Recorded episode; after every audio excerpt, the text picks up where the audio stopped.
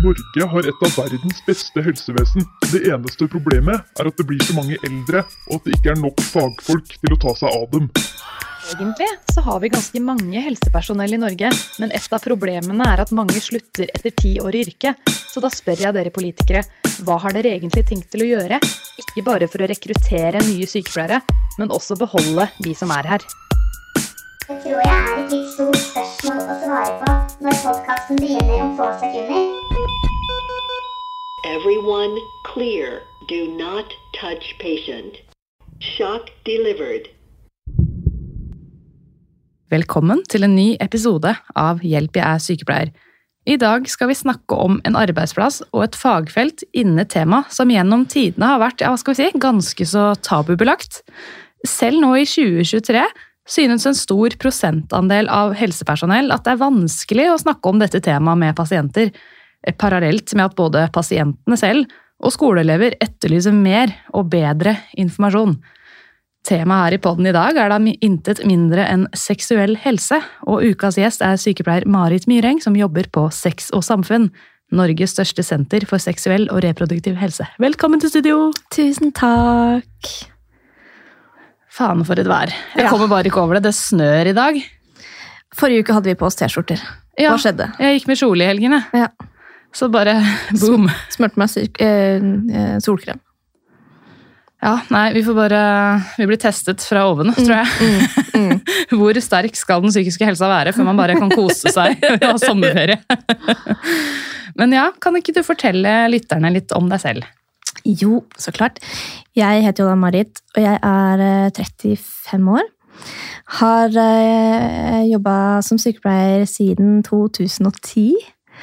Eh, tok eh, studiene i, på Universitetet i Agder. Mm, Starta det året liksom det blei universitet der. Det husker jeg var veldig stas eh, å få være en del av. Ja. Jeg vet ikke hvor mye jeg skal si. Var det sykepleierutdanningen du tok på Agder? Mm. Ja. Du har en videreutdanning òg, har du ikke det? Det har jeg. Eh, Jeg har en liten videreutdannelse i seksuell helse og seksualitetsundervisning fra Oslo OsloMet. Mhm. Fra eh, 2016, da den blei laga for første gang. Og den er nyttig. Eh, Den kan være grei å ha hvis man ønsker litt sånn eh, sexologi light. Man tapper, tapper sånn greit innom eh, de forskjellige temaene eh, som kan være greit å ha med seg og greit å vite litt mer om dersom man ønsker å bruke eh, liksom inkludere seksuell helse i en litt større del av arbeidshverdagen sin, da, uansett hvor man jobber, egentlig. Eh, og så var det i tillegg en del mer om seksualitetsundervisning som var nyttig for meg da, og fortsatt for så vidt er eh, nyttig da, selv om jeg ikke hadde begynt på Sex og samfunn ennå da jeg tok den. Mm, fordi den videreutdanningen her, det er en litt sånn uh, liten enn ti studiepoeng, Mm, er det ikke det? mm, mm. I forhold til den, det er en egen sånn uh, sexo, sexologi videreutdanning på Agder òg, er det ikke det? Mm, Og den er vanskeligere å komme inn på, har jeg hørt. Den er kjempevanskelig å Ja. komme inn på, ja. Mm. Så er det lettere å komme inn på den på Oslo OsloMet? Ja, der kommer stort sett eh, alle inn, eh, tror jeg. Og tenker egentlig at sånn, sånn burde det være. Eh, egentlig for flere videreutdannelser, fordi det som er litt trist, syns jeg, er at, at altså, man kikker på de karakterene man hadde på sykepleierstudiet, som for flere av oss sikkert eh, har ganske lite å si for hva slags sykepleier man er i dag, eller hva slags ja, sexologisk rådgiver man hadde blitt, eller eh, anestesisykepleier, eller operasjonssykepleier osv. da. For er liksom, vil man, Hvis man først skal snakke om sex, da, vil du snakke med en sykepleier som har A i snitt? Ikke sant? Eller vil du snakke med en som har D i snitt og kanskje har levd litt? Og levd litt, og har liksom et engasjement for det, tenker Ja. jeg. Ja. Nei, det er et kjempegodt eh, spørsmål. Ja. Det sitter jeg også og lurer på. Og jo lenger, altså Vi har søkt på sexologistudiet noen ganger, faktisk. Kommer ikke Det er på inn. Agder? Ja. Ikke sant? Og du jobber med det, og du kommer ikke inn. Nei. Hvordan skal jeg komme inn da? Eller eh, Ja. andre folk? Det er sikkert folk som har mye bedre karakter enn meg. Da. Og, og meg også, så det er de som kommer inn, da. Ikke sant? ja. Ja. Ah, Nei, men Det her er sånn gjennomgående tema i denne poden når vi snakker om videreutdanninger. Mm. Eh, og i hvert fall sånn videreutdanninger som, i form av master og sånn. Det er jo så vanskelig å komme inn, og Ja. alle er så frustrert for det. Så jeg har snakket med noen litt sånn eldre sykepleiere. Nei, sånn skal det være i akademika. Ja, ikke bare, sant. Okay. Ja. Ja. Det er fortsatt noen som mener at det er det viktigste. Ja, jeg ser poenget, eller jeg tenker at tanken er god, men at i praksis så er det lite bærekraftig. Absolutt. Vi kjører på med tre kjappe, da. Yep. Hvorfor har du valgt å jobbe med seksuell helse? Åh, Gud, det var grunnen til at jeg starta på sykepleien, eh, rett og slett. Eh, For jeg har alltid syntes at eh, det har vært så interessant. Jeg var hun rare ungen som satt og leste ungdomsbøkene i barne, barneavdelinga på, på Tønsberg bibliotek. Eh, Og spurte mamma om hva onani var på, i veien eh, på, i bilen tilbake hjem. Eh, Eh, og så ble jeg jo superskuffa da, da jeg mm, si både under studiet, men også som ferdig utdanna, oppdaga at det er jo ikke egentlig et tema eh, som får noe særlig plass i verken somatikken eller psykiatrien. Eh, men det, ja, det var altså årsaken. Som, som er mye om må eh, Det har blitt noe bedre med åra, men, eh, men det er dessverre mye hva man gjør det til sjøl. Det her med den seksuelle helsa i helsevesenet, altså. Altså, jeg, jeg har prøvd å tenke litt sånn, hva var det jeg egentlig lærte om sex på sykepleien? Og det var i hvert fall ikke noe om hva er god sex, hvordan kan man ha det bra, hvordan eh, få orgasme. Det var liksom sånn, brystkreftpasienter de sliter med seksualiteten, Ja. og stakkars dem, de får det forferdelig. Eller sånn strålebehandling, og du tørker ut, og det, det blir helt forferdelig. Men sånn, ok, det er greit nok eh, at vi må snakke om det vanskelige, men kan vi også snakke om det som er bra? Ikke Eh? Vær så snill, liksom. Ja, absolutt. Og så får man glemmer ofte altså Man snakker kan snakke mye om hva slags bivirkninger f.eks. cellegiftbehandling eh, og strålebehandling og sånt nå har, f.eks. Eh, og hva det klart gjør fysisk, og man kan snakke om den fysiske evnen eh, eh, til å ha eller gjennomføre samleie. Men eh, for det første er det også veldig altså heteronormativt. Eh, En Mm. tanke om at de fleste man møter av pasienter, er eh, heterofile, helt fram til det motsatte er bevist. Eh, eh, og så er det eh, Men så glemmer man også det her med ja, den naturlige seksualiteten som du snakker om. Men altså sånne ting som eh, behov for intimitet, endra kroppsbilde, endra selvbilde i forbindelse med forskjellige typer behandlinger og medikamenter. Den delen der glemmer vi helt, da. Eh, Og det syns jeg det er trist, da. Mm. Er det ikke litt sånn hvis man ser for seg en trekant da, som er liksom helse, så er det fysisk helse, psykisk helse og seksuell helse? Mm. Jeg vil si at alle de tre delene er like viktige, i hvert fall for meg. Sånn, det er tanken vår på sex og samfunn også. Vi ønsker at eh, seksuell helse skal prioriteres og forstås som like viktig i helsevesenet som nettopp da fysisk og psykisk helse er også. Nå er vi nesten inne i kjernen allerede. Vi er egentlig på tre kjappe. Ja, stemmer det. stemmer det. Jeg prater, vet du. Ja, det er det er jeg, og jeg prater meg like mye, like mye bort som gjestene. Hva er sykepleie for deg? Åh, det er et veldig godt spørsmål som jeg tror har endra seg veldig mye for meg eh, i de åra jeg har vært eh, sykepleier. Det sykepleie er for meg nå, i veldig stor grad, er eh, eh, å være kilde til god og riktig informasjon. Nå er det utrolig mye Altså man, eh, unge i dag, men også folk som er eldre, selvfølgelig, har har ekstreme tilganger på informasjon. Mm. Det betyr jo ikke at det er god informasjon. Mhm. Eh, men Og så er, det lett å høre på det som er skummelt, på en måte. At det, det, får, det, det, lagrer seg på en annen måte i oss. Det er lettere å tro på, også lettere å tro at det, dette er det som kommer til å skje med meg. på en måte. Eh, og også når vi hører, og nå, det jeg tenker på nå, for eksempel, er blant annet som vi er mye borti på, på sex og samfunn, er hormoner, hormonell prevensjon f.eks. Er det farlig? Kan det gjøre endringer i kroppen? Hva med disse bivirkningene? Eh, og så er det utrolig mye myter eh, eh, som fins der ute. Eh, og så er det heldigvis veldig lite av det som stemmer, men det, det er ikke allmennkunnskap, da. Så rett og slett å formidle god informasjon, det er Mm. sykepleier for deg. Det Mm. passer jo veldig til den jobben du er i. Da. Ja, det er vel det er noe av det viktigste dere gjør. Ja. Og så det siste. Hvorfor bør man søke seg på sykepleierutdanningen? Åh, tenk på alt man kan gjøre, da. Eh, nå har jeg bare jobba 13 år. Eh, det begynner å bli litt, da, men allikevel. Har, bare på de 13 åra har jeg gjort utrolig mye forskjellig. Eh, og så er det du, du har på en måte ikke lov til å bli lei.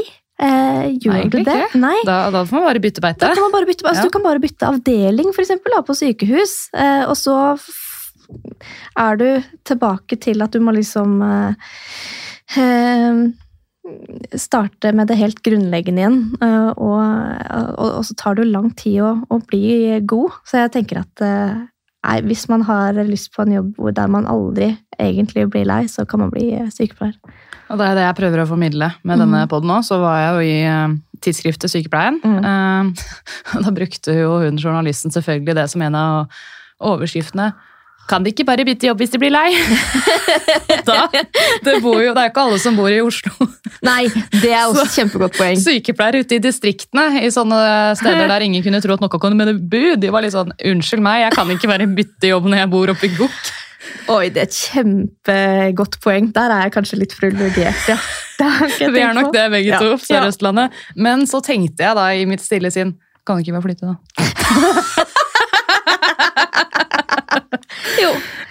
jo, men der også. Jeg bor jo faktisk en time unna Du bor Oslo. litt i Gok. Eh, så jeg, jeg, eh, og jeg reiser inn fordi at jeg ønsker å jobbe med eh, jobber som fins sentralt her. sånn. Men du har under en times reisevei, ikke sant? For Ja, disse oppe i. Gok de har kanskje sånn tre timers reisevei til nærmeste Også legevakt. Ja, ja, ja, jeg ser den. Jeg skal, jeg skal være stille. Skal vi snakke litt om arbeidsplassen din, da? Ja. Sex og samfunn, hva, hva er egentlig det? Eh, I dag, som du sa innledningsvis, så er det jo eh, Norges største senter for eh, seksuell helse. Eh, starta i 1971 som eh, Altså, jeg må, ha, jeg må alltid lese 70-tallet, ja. Da var det Ja. litt sånn Flabber power og Det var det. Ja. Og da het eh, Sex og samfunn Sosialistiske legers foreningsklinikk for seksuell opplysning. Oi, det var lang tittel. Enkelt og greit. Eh, og det var da leger eh, og sykepleiere som jobba på frivillig basis. For å rett og slett hjelpe eh, kvinner som eh, var blitt uønska gravide, til å eh, få abort. For på den tida der så måtte alle i nemnd, som det heter. Og nemnd er jo en gjeng med leger som avgjør om du skal få lov til å ta abort, eller å fortsette å være gravid. Og det her var det jo stor, stor motstand på rundt omkring i Norge. Og Og da var det kanskje ikke tolvukersregelen den gangen. ikke det heller. Ikke. Eh, sånn at eh, eh, Det man eh, Det Sex og Samfunn eh, gjorde, var å Fordi det kom, det kom veldig an på hvilken nemnd du kom i. Eh, altså du kom, og det var veldig Bare her i Oslo så var det eh, altså var, Sjansen for om du kom til å få abort eller ikke, basert på hvor, hva slags adresse du hadde. på en måte. Eh, eh, hvis jeg husker riktig, så var man litt rausere på østkanten. eh, så etter hvert begynte da legene på Sex og Samfunn å infiltrere disse nemndene da, eh, rundt omkring eh, i Oslo og resten av landet, og så gjorde man sånn at etter hvert at alle fikk abort. da. Eh, og så var vi også veldig inne politisk med tanke på eh, lov mot selvbestemt, eller for, for selvbestemt abort, som kom i 1978. da. Jeg kan tenke meg at det ble mye motstand mot sex og samfunn den gangen. Det kan jeg også tenke meg. Jeg levde jo ikke da, eh, men eh, det eh, Det var ikke bare enkelt, nei. Men det sier også litt altså det her med at de jobba på frivillig basis, ubetalt. Det var ikke noe man fikk betalt for den gangen. Nei. Så det sier litt om det engasjementet. Og etter hvert så, så blei det, etter hvert som den loven eh, kom i stand, eh, så begynte man å jobbe for eh, eh, å forebygge eh, uønska graviditeter. Altså Så prevensjon blei liksom det store som man jobba med. Og så etter hvert så bytta det navn til Klinikk for seksuell Nei, filler'n. Du må ikke ha noe sånn eh, at skjermen den låser seg, vet du. Nei, jeg vet. Klinikk for seksuell opplysning. Det er jo så lenge siden. Det er jo lenge lenge før min tid, så derfor så går jeg ikke og husker på Ja, de eh, tinga. Eh, Og så har det hett Sex og samfunn i nyere tid og vært en stiftelse. Mm. Hva slags hjelp er det dere tilbyr der? Og hvem kan, hvem kan møte opp og få hjelp? Vi har ikke noen nedre aldersgrense. Eh, men vi har en øvre eh, på 25. Og det er rett og slett bare fordi at eh, Sex og samfunn har blitt så mye besøkt de siste åra at vi for noen år siden var nødt til å sette en, en øvre aldersgrense fordi vi rett og slett ikke har kapasitet. da. Når du gammel man må ta ansvar. Det var litt det jeg følte når jeg ble 25. Ja, det er akkurat det mange føler på akkurat den der. sånn, ja, Jeg er jo bare 25, jeg, jeg vet, skal jeg liksom bestemme Skal jeg ta ansvar nå? Ja, klarer ikke det. Ja, nei, men øh, øh, Vi skulle gjerne ikke hatt noe øvre aldersgrense heller, men det handler om kapasitet. Olafia-klinikken er jo tvers over gata, da. Det er det. Da Og kan det vi er, oldisene som meg og deg gå til hvis vi det er det, men det, de har jo ikke prevensjon og sånn, da.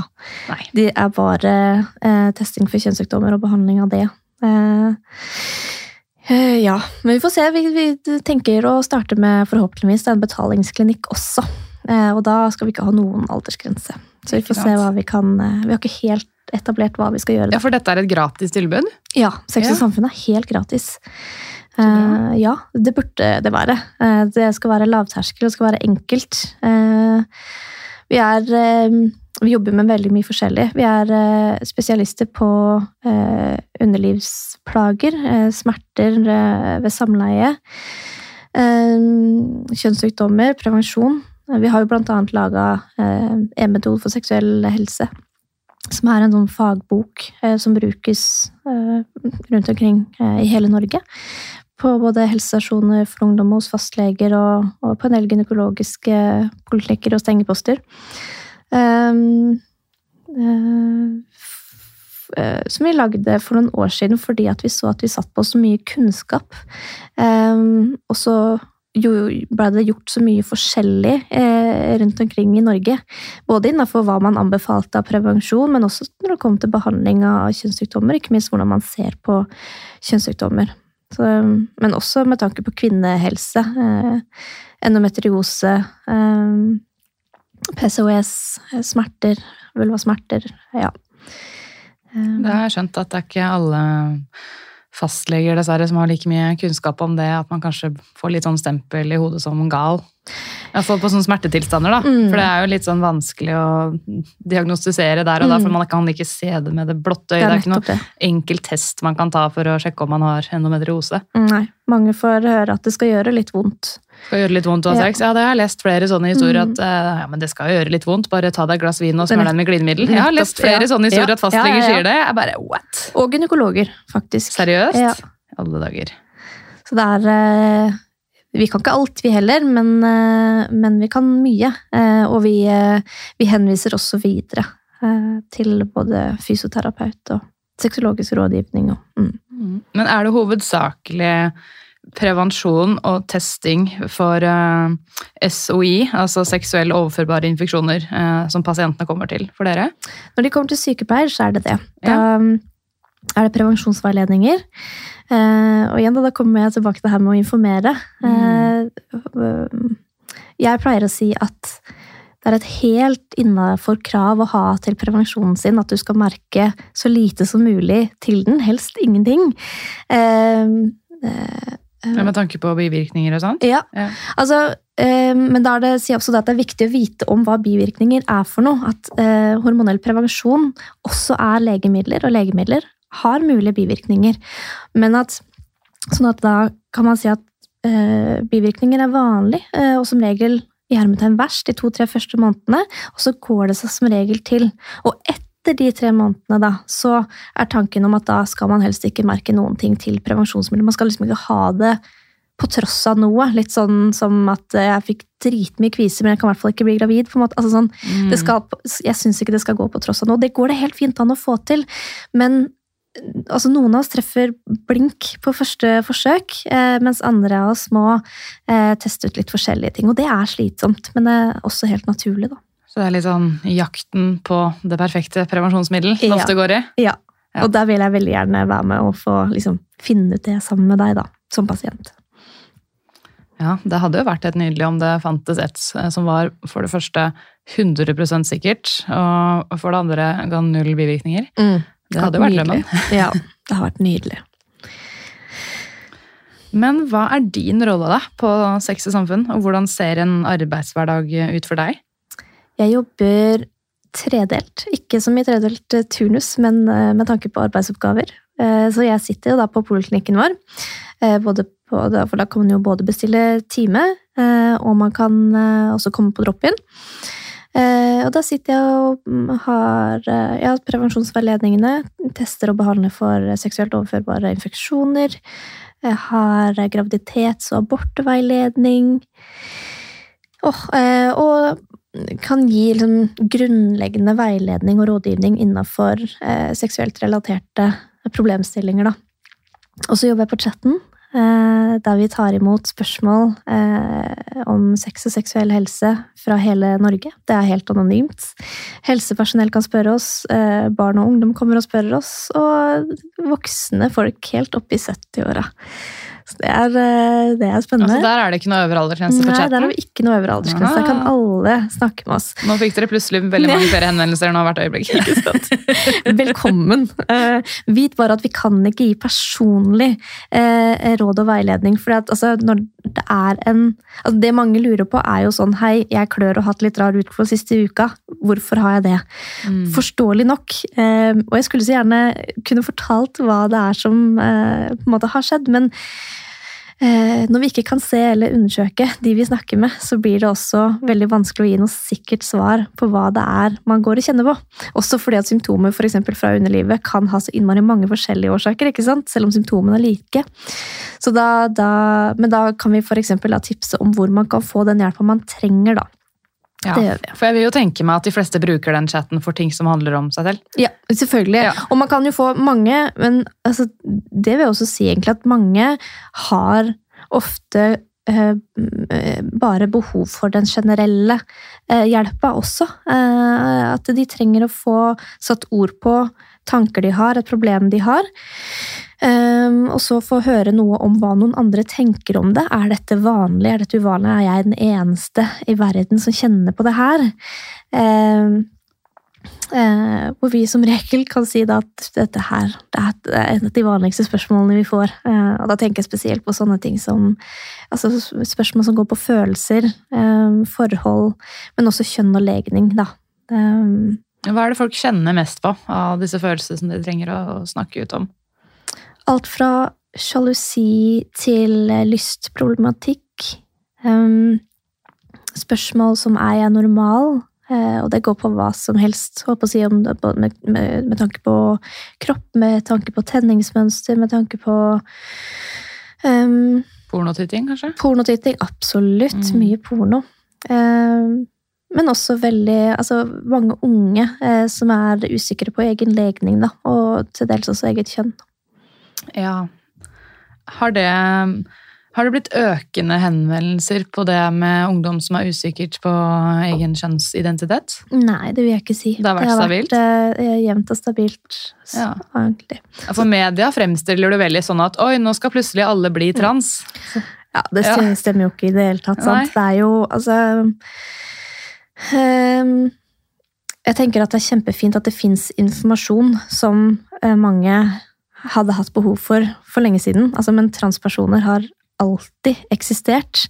Eh, men og det at det er flere som finner ut holdt på å si da, av hvem de er, eller stiller spørsmål til eget kjønn, det gjøres Det er klart at det, flere gjør det i dag enn for 50 år siden, på en måte, men det er ikke fordi at det fins flere transpersoner i dag, men det er fordi man det har ikke vært noe rom for å stille spørsmål rundt det. Det har ikke vært noe kunnskap å få tak i. Så det, jeg tror ikke det fins flere transpersoner eller skeive for den saks skyld i dag. Det er bare at det er, man snakker mer om det, og det er rom også for at man kan tenke litt høyt rundt det. Og det tenker jeg utelukkende er positivt. da.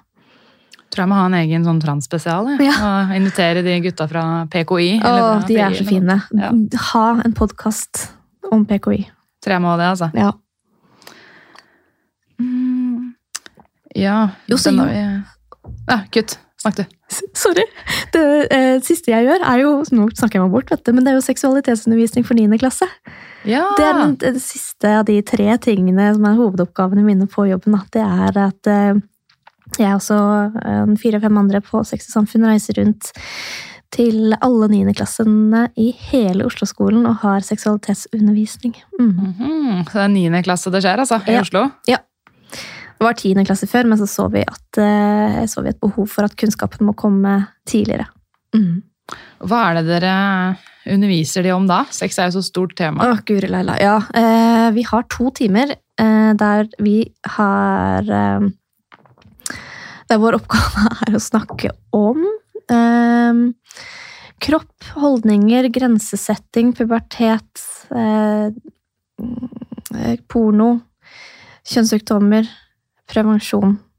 Egentlig altså alt, alt du kan tenke deg som man tenker burde inn i en, eh, inn i en eh, seksualitetsundervisning, det prøver vi å få trykt inn i de to Så det er litt mer enn det, det derre 'her er en penis, her er en vagina', og så Absolutt. tar man den inn, og så blir dama gravid. Ikke sant? Eller, og, og man får kjønnssykdommer, Ja. ikke glem de. Ja, ja, kjønnssykdommer, huff a meg. en- Nei, det er, det, er, det er mer enn det. Så jeg vil si at um, altså, går man, altså Er man elev i Oslo-skolen, så har man en grei tilgang på uh, seksualitetsundervisning, men det er fortsatt for lite, også her i Oslo.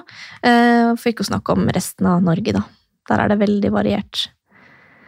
Jeg bare tenkte på det med mm, skeiv helse og sånn. Underviser dere om, om det òg? Hvordan man kan ha sex med noen av samme kjønn? Absolutt. Vi snakker mye om eh, hva, hva er sex. Eh, jeg pleier å vise fram en, eh, en sånn slide i powerpoint-presentasjonen min med med, en hånd, en rumpe, eh, en penis, eh, en vulva, vagina. eh, og seks leketøy, og så vil jeg at elevene skal få noen minutter der de diskuterer som hva er det her, hva er det vi kan sette strek mellom på de tegningene her, som er sex. Er det noe som ikke er sex? Eh, og så kommer jo ofte det fram at eh, Nei, det er mye, mange ting man kan gjøre, men det som er sex, det er jo penis inni vagina. sant? Og så oppstiller jeg litt, meg litt sånn undrende og sier sånn Ja, men hva med to For jenter? noen mener det, at det er det som er definisjonen på sex. Penis i vagina. Jeg vil si at 98% mener det. Ja. Eh, at man kan gjøre andre ting, og det kan være hyggelig og deilig, og sånt nå, men det, det er ikke ordentlig sex. da. Ikke sant? Eh, og så sier jeg da, altså, men hva med, hva med to jenter, for eksempel, eller to med vulva? da? Hva, ha, har de aldri sex, de da, på en måte? Eh, og så eh, sier jeg det at altså, sex, hva som er sex, ikke minst hva som er god sex, det er helt forskjellig fra person til person. At det som kan være deilig for én, det kan være helt uinteressant for det neste, til og med ubehagelig. Fordi at eh, kroppene våre er så forskjellige. Så vi liker, eh, vi liker så forskjellige ting, da. Så hva som liksom Så det som kan være kjempedeilig sex med én, det, der kan man på en måte måtte starte helt på nytt da, med en annen og bli, eh, bli kjent, rett og slett. Mm. Det her høres jo kjempebra ut, og dette er på en måte sannheten, og dette er eh, fremoverlent. Men er det noen Har dere fått noen motstand av de litt mer konservative? Eh, ja, Ja. absolutt. Hva, hva er det de eh, kritiserer med det her? Eh, vi ser eh, for det første at elevene i undervisninga eh, kan være veldig kritiske til det. Ja. Um, alt fra at eh, det er eh, snakk om at skeive det er, ikke, det er ikke en ordentlig greie. Det er snakk om en hjerneskade, f.eks. Ja. Um, Men det er elever det er? Unge folk? Ja. Alle dager. Ja, men de får det jo fra et sted. Det er jo Ja. ikke noe de har funnet på eh, selv. Selv om jeg tror også at altså, og det er, altså En ting er at mange kan nok få det hjemmefra, men Mm. jeg tror nok også at korona og det at eh, barn og unge satt eh, på nett i mye, mye større grad eh, eh, enn det de gjorde tidligere, har gjort at man da også har fått tilgang på eh, Altså, du veit jo algoritmene til, eh, til sosiale medier. Altså sånn, Har du først på en måte begynt å kikke på en ting, så blir du liksom dratt med i en sånn dragesug. Down in the rabbit hole. Nettopp! Mm. Og der tror jeg eh, veldig mange har havna i på en måte hvert Altså det fins egne ekkokamre for omtrent alt, Mm. ikke sant? Ekstreme Um, meninger både på den ene og den andre kanten. Ja, eh, absolutt. Eh, både i positiv og negativ forstand. Eh, og da er det veldig lite rom for andre meninger, og da kan det også bli veldig vanskelig å skulle stå som eh, hvit cis-kvinne og fortelle noe annet. Um, ikke like spennende å høre på som for eksempel Andrew Tate. Eh, selv om jeg liker ja. Kanskje skal invitere han i poden? Og lykke til. Uh, oh, gud. for en oterballe. Da vil jeg faktisk heller ha skjærkål her. Jeg har fått uh, forslag om jeg skal ikke invitere skjærkål. Gjør det. skjærkål og Andrew Tate. Det hadde det hadde blitt en interessant samtale. Oh, da, vil jeg bare, da vil jeg være her. Jeg trenger ikke si noe. Bare sitte borti hjørnet. Publikum. Ja. Ja, da skal jeg ha sånn liveinnspilling Det med skal du. publikum. Ja, det skal du. Jeg lurer på åssen engelsken til Kjerkol er. Jeg kommer bare for det. Nei, Nå tuller jeg det helt bort. Ja. Vi snakket jo faktisk faktisk om uh, disse kritikerne, da. Ja. Så elevene er én gruppe, men hva med lærerne og, og foreldre? Uh, vi vet at eh, ikke bare når det kommer til um, skeiv seksuell helse, eh, eh, mm, men, men det å ha seksualitetsundervisning i seg sjøl vi vet at det er ikke alle skolene som informerer foreldrene for eksempel, om at til uka kommer sex og samfunn, for da vet de eh, erfaringsmessig at da er det ikke alle som kommer på skolen. Ja, For da tar de holdt på å si, eleven ut at det skal ikke de Ja. møte opp på, det er bare griseri. Ja, rett og slett. Ja. Um, uh, at det er synd uh, um, å snakke om uh, de forskjellige tinga som skal være igjen, som vi tenker at er relevant i en sånn undervisning. Da. Eh, det, men altså, stort sett må jeg også si at folk er positive. Som regel så får vi høre når vi kommer på skolen at nå har elevene gleda seg skikkelig. Eh, og det er veldig fint og gøy å få lov til å snakke til en fnisete gjeng eh, fulle av hormoner. Eh, stort sett er det aller, eh, eh, altså aller mest fint. Ja. Det er det. Lærer de om anatomien og om denne mytiske jomfruhinnen? Eh, veldig varierende fra skole til skole. Eh, I i undervisninga vår så har vi om den. Mm. Det har vi med å komme med, eh, komme med eksempler på eh, Altså vise forskjellige bilder av skjedekranser, rett og slett. Eller tegninger, da. Eh, eh, og forteller at det er en, eh, at en slimhinnefold som sitter 1-2 cm innover i eh, skjeden. Som kan se veldig forskjellig ut fra person til person, men som ikke har noe eh, sammenheng med om man har hatt sex før eller ikke. Og det derfor også blir veldig tullete å kalle den jomfruhinne, for vi har ikke noe som sprekker når man har sex for første gang. Da kunne man jo også snakke om at man hadde mista dommen, som ungdommen kaller det, når man setter inn en tampong, for eksempel, eller fører inn en finger. sant? Mm. Og det blir jo helt, eh, eh, helt tøysete, sant? Noen i få tilfeller har vel en het inngrodd skjedekrans, og da må man jo kanskje til og med få kirurgi for Ja. å åpne det. Ja, men det er veldig eh, altså det, Ja, det er kirurgi, men det er oftest snakk om et veldig lite inngrep. Ja. man- ja. Veldig enkelt å gjøre For jeg, nå har jeg fått med meg så mange historier at det var en dame som, som hadde det, da, sånn gjengrodd skjedekrans, og måtte på en måte operere den opp. Og det var jo da en, ja, innenfor en religion. Jeg trenger ikke å si hvilken religion, da, for da ble jeg plutselig rasist. Men da måtte på en måte hennes svigerfamilie da, de skulle se journalene på at det var derfor hun ikke hadde jomfruhinnen. Så ikke hun var en eh, tøs som skulle gifte seg med deres sønn. Mm. Og jeg har hørt historier fra jordmødre som gir eh, setter inn spiraler da, til minoritetskvinner, og så går det noen uker, så har de hodepine. Så noen har sagt at jeg har vondt i hodet, har spiralen gått opp til hodet. Mm. Og jeg jobber på en urologisk avdeling, og det skjer jo fra tid til annen at kvinner som skal gjøre inngrep i urinveiene, spør om en kommer dere til å ødelegge jomfruhinna mi. Mm. Jeg er jo ugift, så egentlig ingen vil ha meg. Og jeg blir så lei meg. Jeg blir skikkelig oppriktig lei meg. For det Mm. første at eh, har vi ikke kommet lenger her i verden? Tror man fortsatt på denne jomfruhinnen, og hva har det å si for deg som person? Er du da et dårlig menneske ut ifra din anatomi er? Og har ikke kvinner lært om anatomien sin? Har man så lite kjennskap og kunnskap og makt om egen kropp? Jeg blir lei meg. Det er, eh, det er nok en, en, en, en sannhet for mange, nettopp det du sier der. Og da, apropos den skjedekraften, så uh, forteller vi jo også om at, det, at eh, det ikke eh, er alle som blør første gang de har sex. Det, sånn, det går hånd i hånd med eh, informasjon om denne skjedekransen. Fordi at eh, veldig mange av oss, uansett hvor eh, vi eller foreldrene våre kommer fra, eh, tror at det er sånn man kan se på noen om de har hatt sex før eller ikke. Og så må jeg fortelle de at faktisk er det bare rundt 40% av oss som blør når man har sex for første gang. Og det, det er det mange også voksne, også helsepersonell, som blir overraska over, faktisk. Tenk det. Ja, for man hører jo om i andre land at man første gang man har sex skal det være et hvitt laken under for å se at det er blod, og i noen land så kjøper de ulovlige da, sånn kapsler man kan putte opp så det skal se ut som man, så kan man bli straffa hvis man finner ut at man har brukt kapsel. Liksom, tenk at det, Jeg syns det er helt sykt.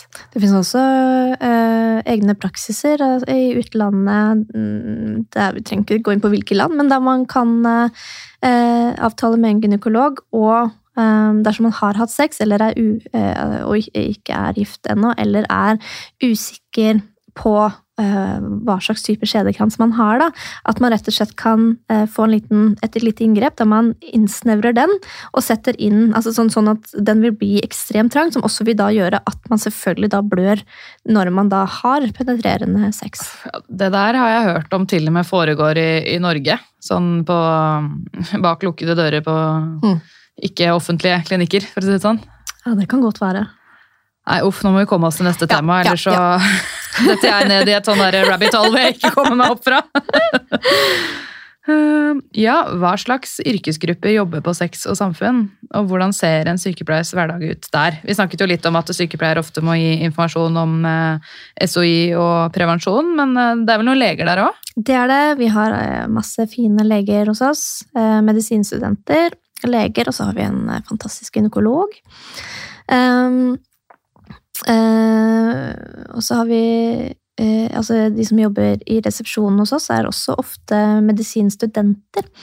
Eh, sånn at eh, Eller legestudenter. Sånn at eh, eh, når de da har gått lenge nok på skolen, så slutter de som resepsjonister, og så får de lov til å jobbe som eh, leger. Og det, Det er vel litt stas? det er stas, men også veldig heldig for oss, for da får man veldig engasjerte folk. Um, og så har vi jo eh, politiske rådgivere, Um, vi har en kommunikasjonsavdeling. Uh, ja, så vi jobber, jo, vi jobber jo også med politisk påvirkningsarbeid.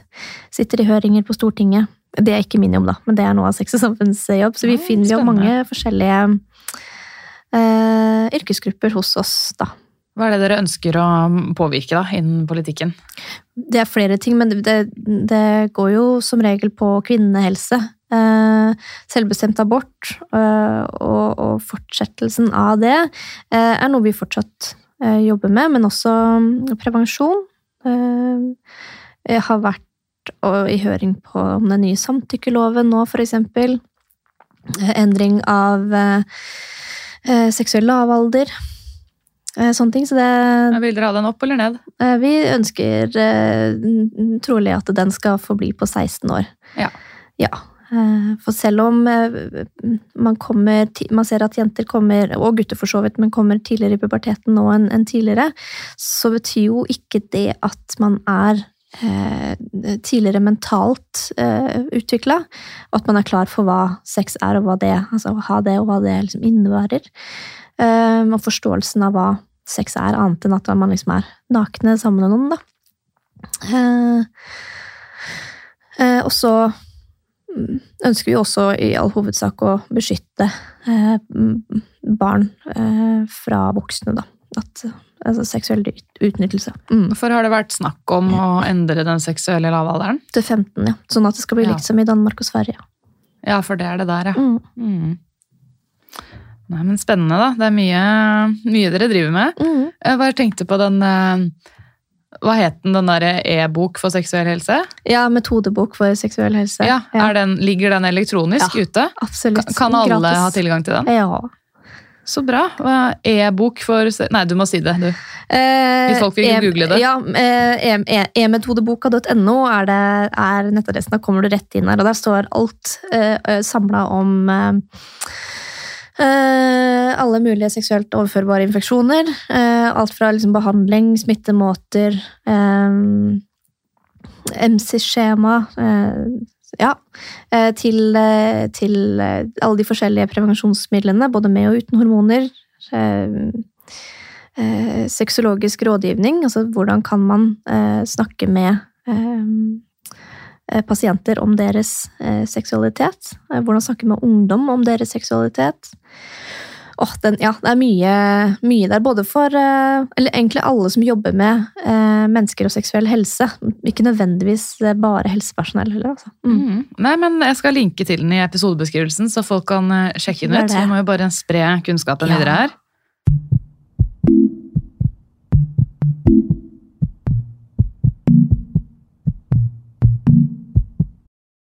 Vi må snakke litt mer om SOI, da. Mm. Eh, hva er det folk eh, tester seg for i dag, og hvordan, er det bare å droppe inn, liksom, eller må man bestille time? Man kan velge. Man kan komme på drop-in dersom man ønsker det, eller så kan man eh, bestille seg en time. Det er egentlig ut ifra hva som er enklest for en sjøl.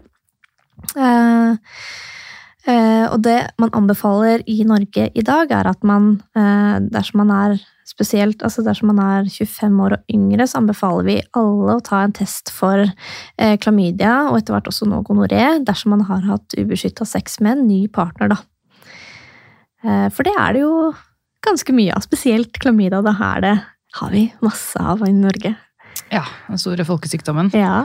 Men eh, drop-in-tilbudet, hvilke klokkesletter er det man kan komme på drop-in, og hvilke dager? Mandag til onsdag så er det tre til eh, sju. Eh, og så eh, på torsdager er det halv ett til fire. Og så har vi, altså hvis de klokkeslettene skulle passe dårlig, så har vi også timebestillinger som går utenom de klokkeslettene, da. Så egentlig fra klokka ni om morgenen til klokka åtte om kvelden, da. Er det ikke litt sånn, Da kommer folk og står i kø, og så får man en pinne, og så Jo. går man på do, og så stikker man pinnen der man trenger å teste seg, og så leverer man den? Akkurat sånn er det. Ja, Ja. jeg mener å huske det. Fra, som folk skjønner, så har jeg vært fast kunde på Sex og Samfunn i min ungdom, da Det jeg var student. har mange av oss. Den gang jeg var ung. Ja. Mm. Er det mange studenter hos dere? Ja, Ja. det er det. Ja. Men så er det også sånn, er det ikke noe man kan trekke en lapp hvis det er andre ting i sånn ventenummer, så setter man seg i en sånn der venterom med masse andre litt sånn halvkleine folk, og folk sitter og fniser litt. Og... Ja, stemmer. Det er, eh, spesielt før korona så var det trekke grønn kølapp, og så mm, venta man, eh, dersom man ønska å snakke med sykepleier eller lege, da, så måtte man vente. Eh, og altså, all ære til folk, altså. Det, er, eh, det kan gå veldig fort hos oss, men man kan også bli sittende, altså, spesielt før korona, kunne man også bli sittende i opptil tre timer.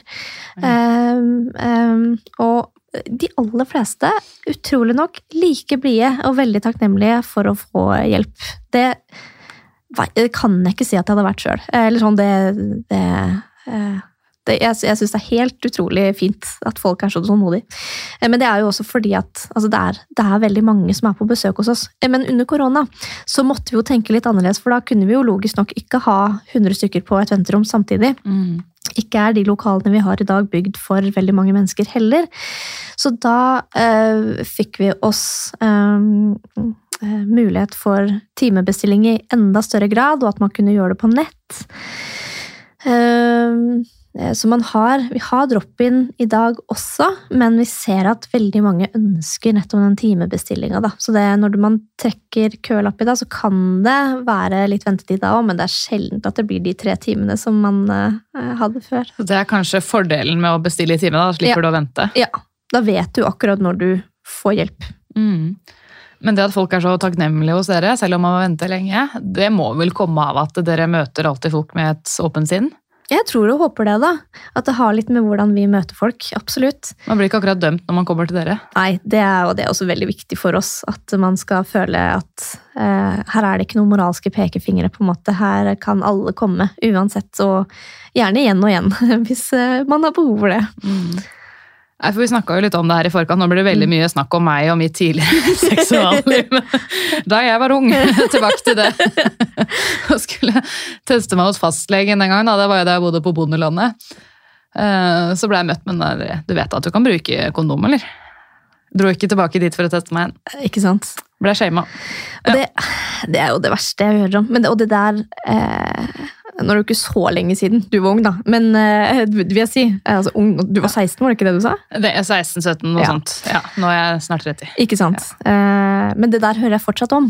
Ja. Eh, og det er så trist. Det, er, mm -hmm. sånn Altså, jeg tenker at det, Eller det som er viktig for oss, da, er å heller rose folk for at de kommer og tester seg. Den kondomen er så lett å glemme, og det er kan være 18 grunner for at den ikke er brukt. Så da, men da, og det får man uansett ikke gjort med i etterkant. sant? Så det som er supert, er at de faktisk kommer og tester seg. Det er det jeg roser de for. Ikke, ikke liksom den herre Du vet at det fins kondom. Det, Det vet alle. alle vet det. Det er et kjempegodt poeng. Alle vet jo det. Ja. Det er jo ikke, det er jo ikke det er jo ikke derfor man ikke bruker om det, fordi man ikke har hørt om det. liksom. Sant? Altså Kan man ikke heller da si så har vi gratis kondomer her vet du, hvis vi tar med noen på vei hjem? Den, den er litt hyggeligere. Absolutt. Og det er det jo masse av hos dere. Ja, masse kondomer. Veldig mye kondomer. Ja. Ja, skal vi ramse opp litt disse vanligste? Vi snakka Ja. jo om klamydia, eller klamma, da. Ja. Altså, Er man i ferd med å gi opp kampen? Vi snakket jo litt om det på telefonen, at det, det, det er så mange som har det at eh, må man behandle hvis man ikke har symptomer. Hva, hva er ståa nå på behandling av klamydia? Man eh, behandler fortsatt alle, uansett om man har eh, altså Alle som får en positiv prøve, får også behandling. Og det er, er man faktisk lovpålagt til å gjøre også. Uh, for det regnes som en allmennfarlig smittsom sykdom. Uh, men så lurer man på om man en gang i framtida kanskje kommer til å gå bort fra å anbefale alle testing, og, og kanskje bare teste dersom man f.eks. Er gravid, eller dersom man har en partner som har fått en positiv prøve pga. plager, f.eks. Um, fordi at ja, det er, ikke det, det gjøres jo også, altså litt med tanke på antibiotikabruk, selvfølgelig, men også det at man ser at det er veldig få av oss som får alvorlige eh, konsekvenser. Ja, for hva er det som kan være alvorlige konsekvenser med klamydia? Det man er redd for, er jo i all hovedsak den denne bekkeninfeksjonen. Um, um, og mange har jo hørt om at man kan bli steril. Det man i utgangspunktet snakker om, er jo nedsatt fruktbarhet. Så at eh, de her bakteriene kan lage arrvev eh, på egglederne som kan gjøre veien eh, litt humpete, kan du si, da, for eggene og sædcellene. Sånn at det kan bli vanskeligere for de å møtes. Men man har jo fortsatt eggene. Det er viktig å si. Jeg skjønner jo at det er noe man tenker på sånn I fremtiden så vil jo veldig mange i hvert fall få barn. At man da, nei, da behandler jeg meg heller eh, ti ganger for mye enn ti ganger Ja. for lite. på en måte. Ja, og derfor er- så vi kommer til å altså Dersom det her blir en realitet, altså man skal gå bort ifra eh, eh, anbefalinga om at alle burde teste seg, så Mm. blir jo det en kjempeomstilling. Ikke bare for folk flest, men også vi som jobber med det og har liksom vært altså, så innmari på det her å få folk til å teste seg. ikke sant?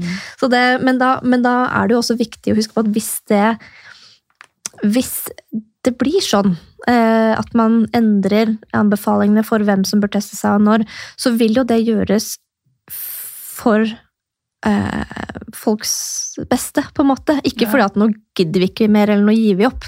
Da gjør man jo det fordi at nå ser vi at nå er dette mest hensiktsmessig. For det er en sånn nytte-risiko-vurdering. Ja, sant? rett og slett. Og det har vel skjedd med andre eh, sykdommer og sånt opp gjennom tidene. Når skal man teste, når skal man behandle? Ikke sant? Ja, Vi kan jo snakke om mykoplasma. Det er vel et eksempel på det. Ja. Hva er mykoplasma?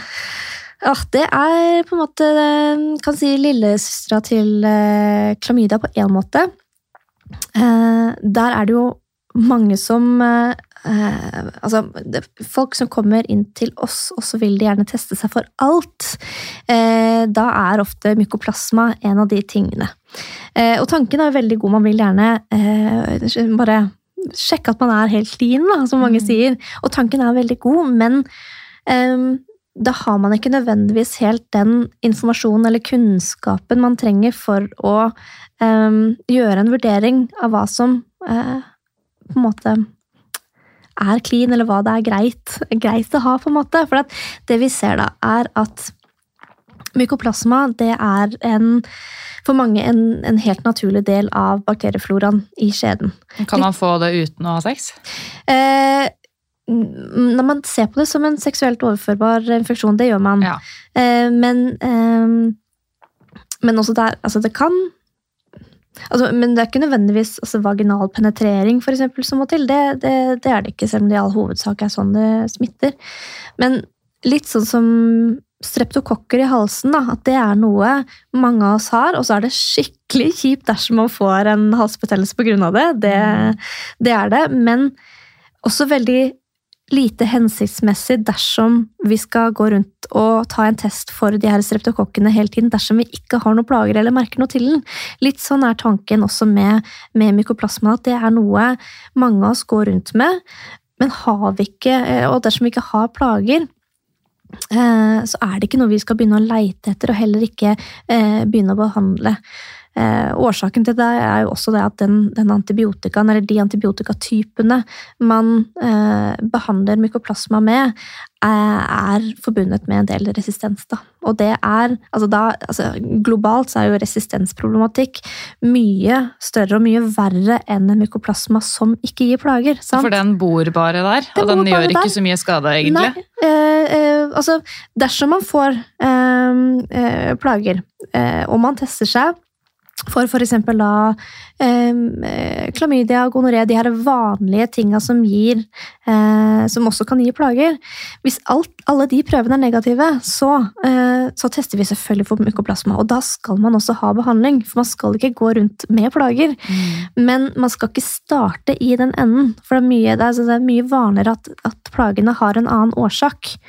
Så å, si at man eh, eh, har plager, og så har man lyst til å teste seg for mykoplasma, men så er det egentlig en soppinfeksjon man har, så vil den Mm. prøven kunne komme tilbake som positiv. Eh, og da er det også veldig lett å ville ha en behandling også, ikke sant? Naturlig nok. Man vil ikke gå rundt med noe. Det er i hvert fall det Mm. mange kjenner på. Men Man føler seg skitten, er det et rett og problem? slett, mange føler seg dessverre skitne. Selv om det har, har ikke noe med det å gjøre i det hele tatt. Mm. Også fordi at man, det har jo ofte kommet eh, som et resultat av at man har hatt det veldig fint. Altså fordi at man har sex. Man. Man har hatt det hyggelig, man har Ja. kost seg. Eh, og da eh, At det da kan det godt hende at man hadde fått en soppbehandling, eh, og så hadde plagene blitt borte. For det er det som var årsaken til plagene. ikke sant? Men det med sopp og den også kan vel bare bo der, har ikke de fleste? Vi snakker om skjeden, da, så jo. er det jo ofte litt sopp i alle skjeder. Men det er jo det når det blir en soppinfeksjon at det er plagsomt. At det er for det Slår du det? Jeg slår meg. Eh, Kjempedeilig. For I skjeden så kan det jo bo veldig mye rart. Det kan Ja. være E. coli-bakterier der, Ja, ja, og altså, vi- ESBL òg, for så vidt. Og hvis man ikke har noen plager, så da, man, man må liksom skille sånn jeg skjønte, da, mellom en pågående infeksjon som gir sykdom, og det å bare ha et bæreskap. da. Nettopp. Det er akkurat det. Ja. Og derfor der også må vi berømme den fantastiske bakteriefloraen vi har i skjeden, eh, som er med på å beskytte oss. Og så er det jo, eh, når det blir litt ugreit, eller når den blir litt utfordra, som jeg pleier å si, av den bakteriefloraen, så kan man jo f.eks. få plager av f.eks. sopp. Eller mykoplasma, for den saks skyld. Nå ble det veldig mye snakk om skjeden. da. Kan Ja. man ha dette også på penis, eller i analen eller i halsen? Eh, Både gonoré og mykoplasma og klamydia kan man ha i urinrøret i penis, og man kan ha det i skjeden, og man kan ha det i anus. Ja. Eh, Men, og jo, jeg må også si at gonoré kan man også absolutt ha i hals, ja. Mm. Ja. ja, for det var det neste vi skulle til nå. Gonoré. Mm. Er vi i ferd med å bli antibiotikaresistente? Spør han på det punktet. uh, ja. Eh, Dessverre så er det sånn. Ja. Jeg har ikke lyst til å si det, jeg har ikke lyst til å skremme folk, men det som er viktig å altså, si, det at eh, vi vet at i utlandet så finnes det eh, bakterietyper av gonoré som er resistente mot eh, de typene behandling vi har i dag. Vi har ikke sett disse gonorébakteriene i Norge enda. Så får man gonoré i Norge i dag, så eh, fins det absolutt behandling. Det gjør det. Eh, men det som kan være greit eh, å tenke på, er det at altså, det er trolig mest sannsynlig bare spørsmål om tid før vi får denne typen resistente bakterier i Norge også, fordi at ja, Vi reiser mye, da. vi reiser mye, er ikke de beste folka til å bruke kondom. Jeg hører at Eh, skandinavere har sånn rykte på seg i utlandet. Ja, vi har det. At du er så dårlig på Ja. kondombruk. Og der ligger jo Norge mm, på liksom pallen, da. Ja. Eh, det gjør vi. Eh, på, på å være rett og slett dårligst på å bruke kondom. Og det, det har vi kanskje ikke trengt her i Norge i like stor grad tidligere. Sånn, vi har et eh, godt helsevesen. Vi har eh, et, lavterskeltilbud eh, nesten i hele Norge, skal i hvert fall være. Eh, behandling er gratis, ikke sant? Og vi har hatt lite alvorlige seksuelt overforbare sykdommer. Så Folk tenker kanskje da at ja, men det er ikke så farlig om jeg får det, fordi det er jo gratis å mm. få hjelp, og behandlingen går jo så fint, og det er ikke noen konsekvenser. Det er akkurat Så det. da kan man jo stille seg spørsmålet, har vi vært litt eh, for bortskjemte med det norske folk? At eh, ja, bare kom og testa, her får du gratis behandling. Eller, eller er det på sin plass at det er sånn det skal være? Jeg tenker, begge deler, men jeg tenker Ja. også at vi ikke må glemme at det kanskje er litt mangelfull seksualitetsundervisning også, som gjør at vi ikke eh, bruker kondom i Norge på den altså, måten vi kanskje burde, da. Eh, eh, så det er, nok en, det er nok flere faktorer her. Eh, men det, det, det Ja. For nå har vi snakka om de litt mer sånn snillere kjønnssykdommene som er lette å behandle, men det går jo an å få mer alvorlige infeksjoner òg. Men både klamydia, mykoplasma og gonoré, det er bakterier, ikke sant? Mm. Hva med syfilis? Så eksisterer det ennå? Det er noe man lærte om liksom fra Ibsen-tiden. Mm, stemmer det. Ja. Det er også en bakterie, og det, eh, eh, det fins absolutt. Man hadde til og med en liten økning under eh, korona. Oh. Ingen som helt har forstått eh, hvorfor, men det hadde vi. Ja. men det er eh, altså, men fortsatt viktig å, å vite om at liten økning betyr ikke at man nærmer seg tallene til klamydia, f.eks. Eh, det, det er fortsatt en sjelden sykdom i Norge. Mm. Hva slags symptomer får man på syfilis? Som ofte så får man ingen symptomer i det hele tatt, men det man kan eh, få, er et eh, sår som ikke gjør vondt. Eh, Oftest med en sånn hard ring rundt, som man kan se, der man har blitt smitta. Så det kan jo da være rundt anus, eksempel, på penis, i skjeden eller vulva, eller i halsen. da. Så kan også være vanskelig å se sjøl. Kan det være lett å blande med HSV, altså herpesostervirus, når det blir sår? Mm, både ja og nei. Det er som regel bare ett sår eh, med, når det er syfilis. Eh, og, og herpesår gjør jo ofte veldig vondt og blir blemmer og skorper, ikke sant? Mm. Det, det har ikke syfilisen. Eh, det er smertefritt. Ja. Mm. Men jeg hadde en gang en pasient, mange år siden, Mm. eh, som hadde nevrosyfilis. Har du hørt om det? Ja, Ja. det har jeg. Og det er jo ganske sjeldent i Norge i dag. Mm. Eh, for egentlig så er det ganske lett å behandle eh, syfilis. ja. Men for det, det, det man også altså, har med syfilis, er jo flere stadier. ikke sant? Og nevrosyfilis da har det kommet ganske langt, kan man si. Ja, for da må vi fortelle lytterne hva er for noe.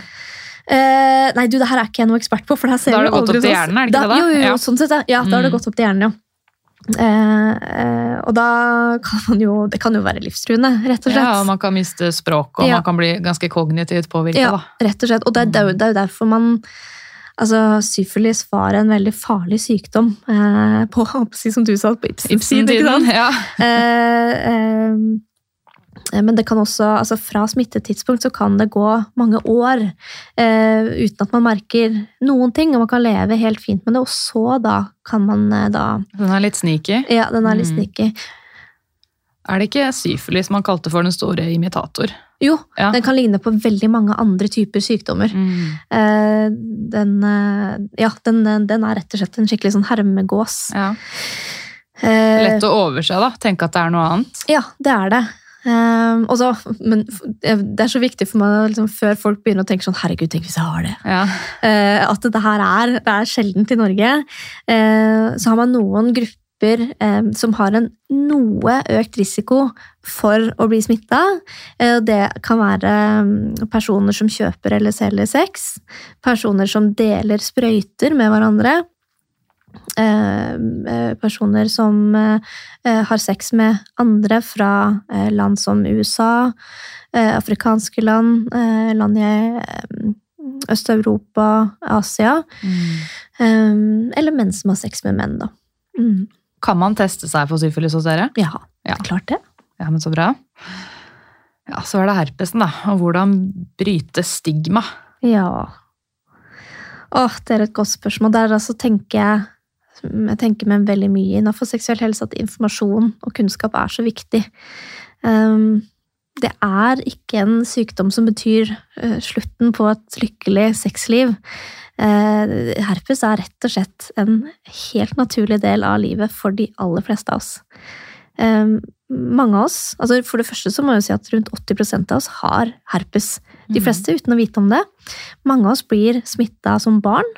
Um, og da tenker jeg på da munnherpesen, ikke sant? som man Mm. da kan få gjennom eh, kos, bytting av leker, bytting av mat med andre barn eh, og, voksne.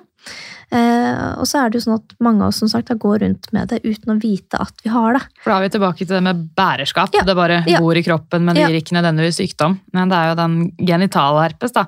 Den Mm. er vel ganske hissig med sånn førstegangsutbrudd. Det kommer an på hva slags type herpes man er. Eh, Man kan få hissige utbrudd av, av begge to, spesielt når det er førstegangsutbrudd, men spesielt av herpes type 2. Mm. Um, da kan man jo både få feber eh, og sterke smerter i underlivet. Noen, eh, som sikkert også har vært borti, får jo da Urinretensjon. rett og slett ja. Du må komme til meg og få kateter. Ja, og det er altså, Og da, da Dersom man har opplevd det, så er det jo kan jo selvfølgelig nesten høres litt sånn provoserende ut at jeg sitter her og sier at herpes er en del av livet. sant? Ja. Um, men det er viktig å huske på hvordan det er for de aller fleste. Eh, og selv om man også får det her store, kjipe, eh, vonde førstegangsutbruddet, så betyr ikke det at det er sånn eh, det vil bli eh, framover også. De fleste får et stort, kjipt førstegangsutbrudd, og så får man det sjelden eller aldri igjen.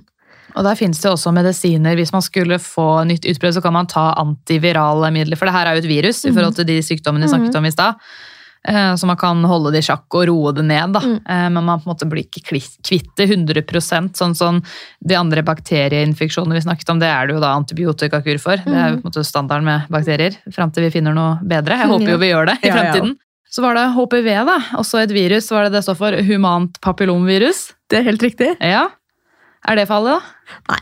Det, det er det ikke. Um, det også er jo noe veldig veldig mange av oss eh, har. Og her er det Det jeg tror folk ofte eh, blander litt, er HPV-virus som kan føre til kjønnsvorter, f.eks., Mm. og HPV-virus som kan føre til kreft. Ja, For da er det jo farlig. Da, da kan kreft. det absolutt være Ja. farlig, ja. Mm.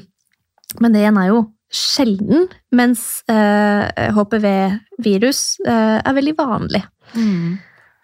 Jeg aner ikke hvor mange HPV-typer det finnes, jeg. men det er ganske mange. Ja. Men det er vel sånn at det som gir vorter, det som på en måte ser skumlest ut, det er ikke så farlig. Nettopp. Mens det som gir da celleforandringer som kan utvikle seg til kreft, det er ikke noe man ser, men det kan Nei. være vanlig. Eh, Så alle over 25 bør jo da ta denne celleprøven. Mm. Og så er det jo en vaksine man kan ta da, mm. for å minske risikoen for å få denne skumle HPV, det er da type 16 og 18. Mm, hovedsakelig. Ja, Det ja. fins litt flere også, men det er hovedsakelig de man vaksinerer eh, for. Ja. Ja, det er jo de litt sånn slemme typene. Mm. Vet du om hvem som får vaksinen nå, og hvor tidlig Mm. man får den? Jeg mener at det er i syvende klasse, både gutter og jenter. Tidligere så var det jo bare jenter, men nå Mhm. får eh, gutter også. Det er jo fordi at man har sett at eh, HPV eh, kan også gi eh, kreft andre steder enn i livmorhals også. Eh, Som for for eksempel i hals og anus, for Og eksempel. penis. Og penis. Mm. Mm.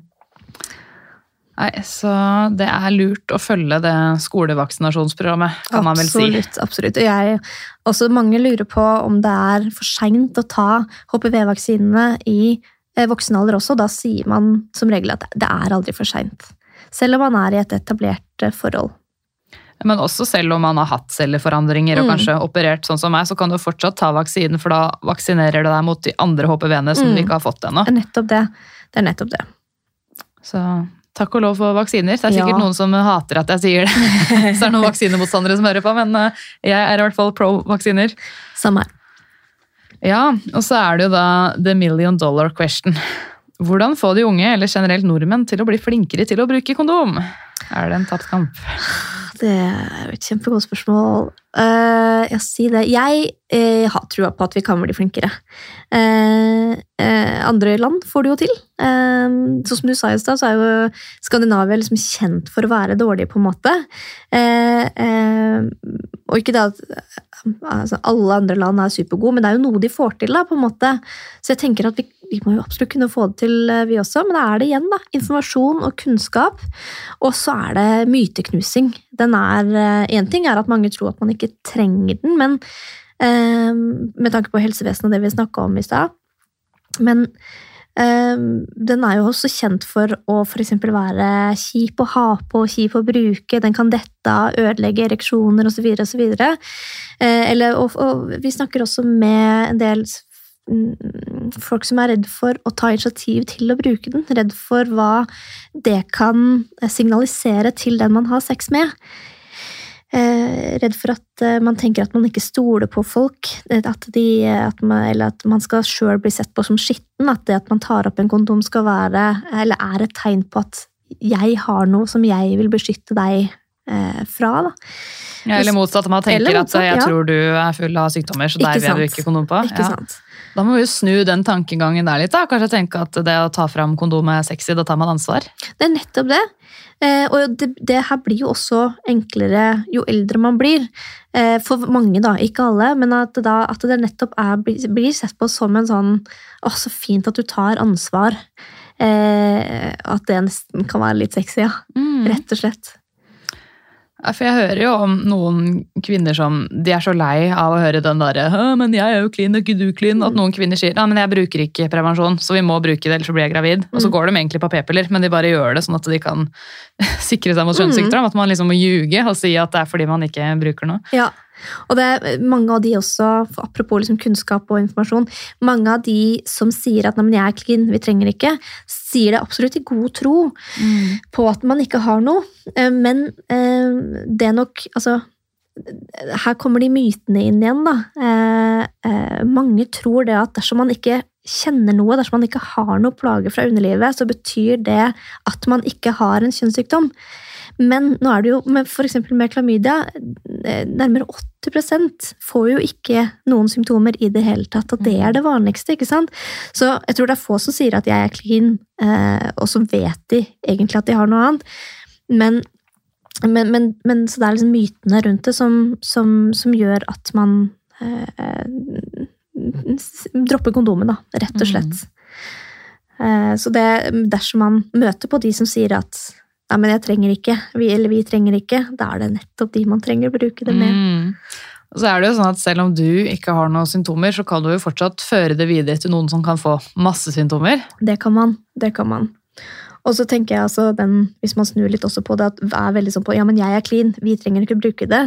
Det sier jo fortsatt ingenting om den andre personen. Mm. Da, da, det sier jo egentlig mer om det ønsket, eh, ikke om at altså, For det, man vet jo ingenting om den andre personen likevel. sant?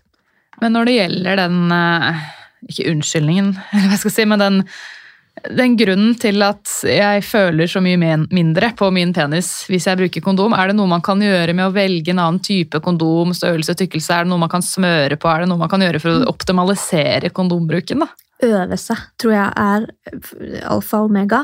Også det å bruke litt tid på å finne ut av hva slags kondom som passer best for egen penis. Ja. Eh, fordi at det, eh, det er også en av de vanligste unnskyldningene jeg hører når jeg snakker med folk om hvorfor de dropper kondomen, er det at eh, de mister ereksjonen, eksempel. At Mm. det er kjipt å, å bruke. Eh, men da er det det altså sånn, Hvis man ikke har noen rutine på det overhodet, så er det klart at den fomlinga eh, rundt det kan eh, ødelegge en egen eh, ereksjon, f.eks.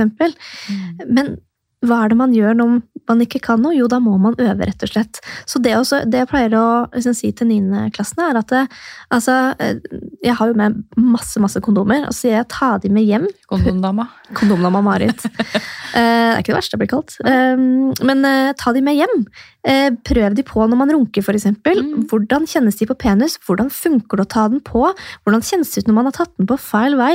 Altså, eh, for på den måten, Hvis man bare får det som en som naturlig del av sexen, da, så tror jeg eh, man eh, Altså, tror jeg mye av den derre fomlinga og mm, stresset rundt det forsvinner. Um, og så er det klart Man kan fortsatt mene at uten er best, på en måte, uansett hva slags kondom man uh, bruker, men da må man igjen tenke på konsekvensene, da. Altså de mulige konsekvensene. At det, at det er mer ved sex enn bare der og da. Mer enn bare egen nytelse, eksempel. Det er også flere ting som, som spiller inn, da. Mm. Nei, så er det jo, hva skal jeg si, kan skremselspropaganda være en motivasjon for å bruke kondom? Fordi sånn klamma er greit og lett å behandle, men man kan jo få hiv òg. Det var en av de vi glemte å snakke om, eh, Mm. faktisk. Men jeg regner med alle vet hva hiv er. Oh, 80-tallet. Ja, Det som er litt trist med hiv, er jo det at eh, folk flest har dessverre ganske lave kunnskaper eh, rundt det. og Er, eller, mange er like redde for hiv eh, nå som det vi var på 80-tallet, til tross Mm. for at man har så gode medisiner i dag at dersom man får hiv, så er eh, behandlinga gratis og så effektiv at dersom man bruker den, så kan man ikke smitte andre, heller ikke dersom man ikke bruke kondom. Og det er så viktig å vite noen ting om. I Mm. tillegg så er hiv et veldig lite smittsomt virus. Um, eh, Det skal ganske mye til eh, å få det, Eh, og det er veldig sjeldent i Norge i dag. Veldig, veldig sjeldent. Men hvem er det som bør teste seg for hiv, da? For det er vel noen som er i en gruppe som er litt mer utsatt? Det, ja, det var det samme som jeg snakka om med syfilisen i stad. Dersom man eh, eh, deler sprøyter med noen, det, Mm. dersom man eh, kjøper eller selger sex, dersom man har hatt sex i USA, eh, eller noe ferie, på ferie derfra, eh, afrikanske land, asiatiske land, Øst-Europa Det betyr jo ikke at det er høy risiko fortsatt, ikke sant? men det er en noe økt risiko. Mm. Det, det, det som det gjelder da for folk flest da, eller det som liksom eh, eh, Som er liksom Gjelder de fleste av oss når det kommer til testing av hiv, og når det er um, kan være aktuelt, er hvis man har hatt ubeskytta sex på ferie, eksempel. Da. Det, Mm. ja. da kan man ta en test for å være helt sikker, men viktig å vite om fortsatt at risikoen er lav. Og det er en blodprøve, er det ikke det? Hvis Det er en vanlig det. blodprøve. Ja, fordi det er jo blodsmitte. Det er derfor man kan få det med sprøyte og sånt. Mm. Er det derfor det er større fare ved å få det med analsex, for det blir fortere rifter og Mm, sånt? Helt Mm. riktig. Og det er jo også derfor Det har jo ikke noe med altså sånn, eh, Når man sier at eh, Jeg tror jeg glemte å si det nå, men at så er det noe økt risiko dersom du er mann som har sex med andre menn, eller har en penis eh, og har sex med andre personer med penis. ikke sant? Mm. Det har jo ikke noe med at du er homofil, for eksempel, da, å gjøre. Egentlig det er om hva slags type sex man har, og da gjelder det uansett hva slags legning man har. sant? Ja, for kvinner kan jo også ha analsex. så jeg bare føler det er så gammeldags å si det er bare for homser. Det sånn, for det første, hvem er homser? Hvilket kjønn er det som Mm. er homser? Og det, det er vel ikke sånn at alle homofile menn bare har analsex? Det er sånn Veldig, Ja. veldig godt poeng. Og Kanskje man heller bør begynne å si risikogruppe de som har mye analsex, da. For eksempel Ja. uten kondom. Det kan man, eh, Ja, vi må- kan man men, men eh, på den andre siden igjen, da, sånn eh, Risikoen er fortsatt Fordi at er du Ja, nei, det, det, det, er, det er et lite smittsomt virus, og det er Mm. sjeldent i Norge. Så det er Jeg pleier eh, å si det at det dessverre tror er det verste med å få hiv-diagnosen i dag i Norge, det er stigmaet rundt og mangelen på kunnskap, ikke sykdommen i seg sjøl. For med behandlinga så kan du leve et helt normalt liv, få barn på vanlig måte og leve til du er hønnegammal og dø av noe helt annet. Ikke sant? Så Mm. det er jo ikke sånn at du dør av immunsvikt som Freddie Mercury, dessverre. Nettopp, min store helt. nettopp. Åh, ja. Mm. ja? For det var en helt annen tid. Mm. Ja. Men er det en medisin man kan bruke for å beskytte seg, altså for å forebygge å få hiv? Mm. Det er to eh, forskjellige ting man ofte snakker om da. Um, dersom man har vært i en risikosituasjon, eller en situasjon der man er usikker på eh, eh, mulig smitte hos den andre, altså en seksuell situasjon, så kan PEP eh, være aktuelt. Og PEP, det eh, eh, Det Altså kan også beskytte liksom, tilbake i tid. Dersom man starter med PEP innen det har gått 72 timer etter den seksuelle kontakten, så eh, eh, kan det eh, forebygge og forhindre da utviklinga også dersom man skulle vært smitta av hiv i den situasjonen.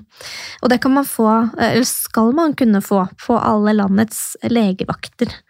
Ja, så hvis har, du har kommet i en situasjon der du kan ha pådratt deg, så kan du få det nesten som en angrepille, holdt jeg på å si? Ja, Ja.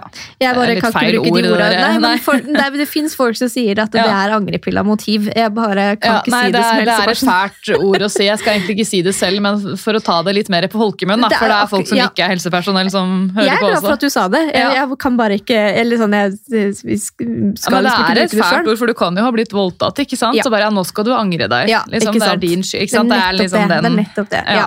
Så det, men det, gjør det jo eh, enklere å forstå hva det er til. Nødprevensjon er det vel det det egentlig heter, hvis vi snakker om den klassiske angrepilla Ja. mot prevensjon. Ja. da. Ja. Så det, og så er det jo preppen, da. Altså, du har pep, nå var det Prepp jeg snakka om, ikke Ja. sant? men det man også kan eh, bruke, er jo Prepp. Eh, og, og, både pep og prep er gratis. Prep er eh, noe man kan bruke dersom man er i en såkalt risikogruppe. Ikke et ord jeg liker veldig godt, men eh, dersom man eksempel eh, selger sex, så kan Mm. det være aktuelt å, eh, å bruke, for det fungerer da profylaktisk. Eh, og den kan du ta eh, daglig hvis du vil det, eller så kan du ta den ved behov. Da starter du tidligst eh, Nei, senest to timer eh, før den seksuelle situasjonen. Mm. Eh, og så tar du inn noen dager etterpå, da. eh, Til du er liksom ferdig med den type sexen du eh, har hatt. Ofte så er det også da eh, menn som har sex med andre menn, som, hvor det her er aktuelt for da, å bruke. Mm. Her har det skjedd mye da, innen hiv. Mm, masse. Men fortsatt så er den, den gammeldagse holdningene der. Jeg merker Mm. jo blant noen helsepersonell heldigvis færre og færre hvis det kommer inn en pasient som har hiv. Det er sånn, «Øh, Hva slags smittevern skal vi Mm. bruke der? Jeg bare, ikke en dritt. Nei, Altså Skal du ta blodprøver, ta på deg hansker, men det skal du egentlig gjøre uansett. det skal man. Ja. Eh, men det, der har jeg hørt noen forferdelige historier, eh, rett og slett fra hiv-pasienter som går til Sex og Samfunn, og deres historier i møte med helsevesenet. Eh, de kan bli møtt i, som du sier, av fullt smittevernutstyr med maske og vernebriller. Eh, og det er utrolig trist. Jeg har hørt pasienter som legen vil ikke håndhilse på dem. Og, Ja. ja. Som var før covid, by the way, da det var vanlig å håndhilse. Så det er litt sånn eh, en hjertegruppe av pasienter som jeg har, de som har på en måte smittsomme sykdommer, som har fått det stempelet, de, de vil jeg gjerne verne litt ekstra om. For jeg, jeg, kjenner får så vondt av det. Ja. jeg kjenner meg kjempegodt igjen. Ja, Vi må egentlig hoppe til Q&A, det er mange Ja. spørsmål. Men vil du bare ramse opp hva slags prevensjon man kan få hos dere? Ja, det kan jeg. Det Ja. er kondomen, da. Eh, og så er det- kobberspiral, eh, hormonspiral. Unnskyld. Eh, P-stav, P-plaster, P-sprøyte, P-piller, og da er det jo gestagenpiller og kombinasjonspiller. Eh, har jeg glemt noe nå? P, ja, P-ring glemte jeg å si. Det er Ja. vel de Hva med sånn. PSAR, fins det fortsatt? Mm, ja, det fins. Eh, får det ikke hos oss fordi at det, det er en liten sikker, en lite sikker form for prevensjon. Så derfor eh, er det ikke å få tak i hos oss. Mm. Men eh, stav, altså p-stav Mhm. og spiral, kan man få det satt inn hos dere? Ja, det, vi setter inn innmari mye av det. Og alle som jobber hos oss, har også gjort det veldig mange ganger. Ja. Så det skal være veldig trygt å få gjort det hos oss. Vi er også eh, spesielt gode på å eh, fjerne de vanskelige p-stavene, som det ofte heter. De som eh, satt inn. Ja. satt ofte satt inn feil, eksempel. Eh, og da trenger litt sånn ekstra kompetanse for å få de ut igjen. Mm. Men det er gratis å få satt det inn hos dere. Men eh, den spiralen og p-staven koster ikke det litt? Jo, altså eh, Mange får det jo gratis i Norge pga. statens bidragsordning, ikke sant? Uh, men eh, det er jo bare fram til man blir 22 eh, at man får det delvis eller helt dekka, da. Sånn P-stav og en hormonspiral koster ca. det samme. eh, rundt 1200-1300 kroner. Som jo kan være eh, et, en stor, e- e- et stort engangsbeløp for noen, men det som eh, I det store bildet da, så vil det jo bli billigere enn veldig mye annet. Og da Ja, for det varer i mange år, ikke Ja, sant? Mm. spesielt hormonspiralen da, Mirena, varer jo i opptil åtte år, ikke sant? Det blir såpass, ja. Mm. Det er bra. Er det leger eller sykepleiere som setter dette inn på pasientene? Det er eh, jordmødre, helsesykepleiere og, og leger. Mm. Som gjør det hos dere? Mm. Mm. Skal vi hoppe til Q&A, da? Ja, det er masse gjøre det. spørsmål, så vi Ja. får bare speede gjennom litt. Ja. Det er liksom ikke ting som er veldig kort å svare på heller, det spørsmålet her. Hvordan snakke om samtykke, og hvordan få samtykke til å bli sexy og ikke kleint? Det er et kjempegodt spørsmål. Mm. Det, det er, eh, og nå føler jeg at jeg også må svare liksom fort, men eh, på et ganske sånn stort spørsmål. Men det jeg tenker, eh, og som jeg fokuserer masse på i min seksualitetsundervisning, er kommunikasjon. Altså, hvis man ser for seg at samtykke må være et sånt ja eller nei-spørsmål, liksom veldig sånn ehm, ehm, Ja, tørt uh, uh, Hva heter det ordet? Herregud. Sterilt? Vet ikke.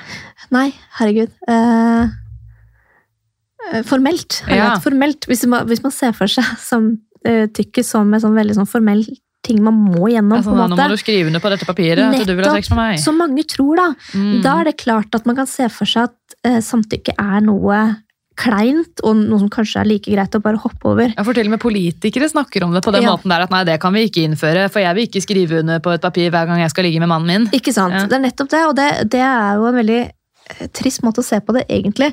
Ehm, uh, sånn at det jeg pleier å si, er det at eh, en måte, altså for Når vi ser på porno, for eksempel, eller når vi ser på film der det er seksuelt innhold, så er det veldig lite snakking. sant? Eh, sånn at man eh, kan se for seg at sex det er intuitivt, at man bare burde vite eh, hva som eh, kjennes deilig ut for den andre.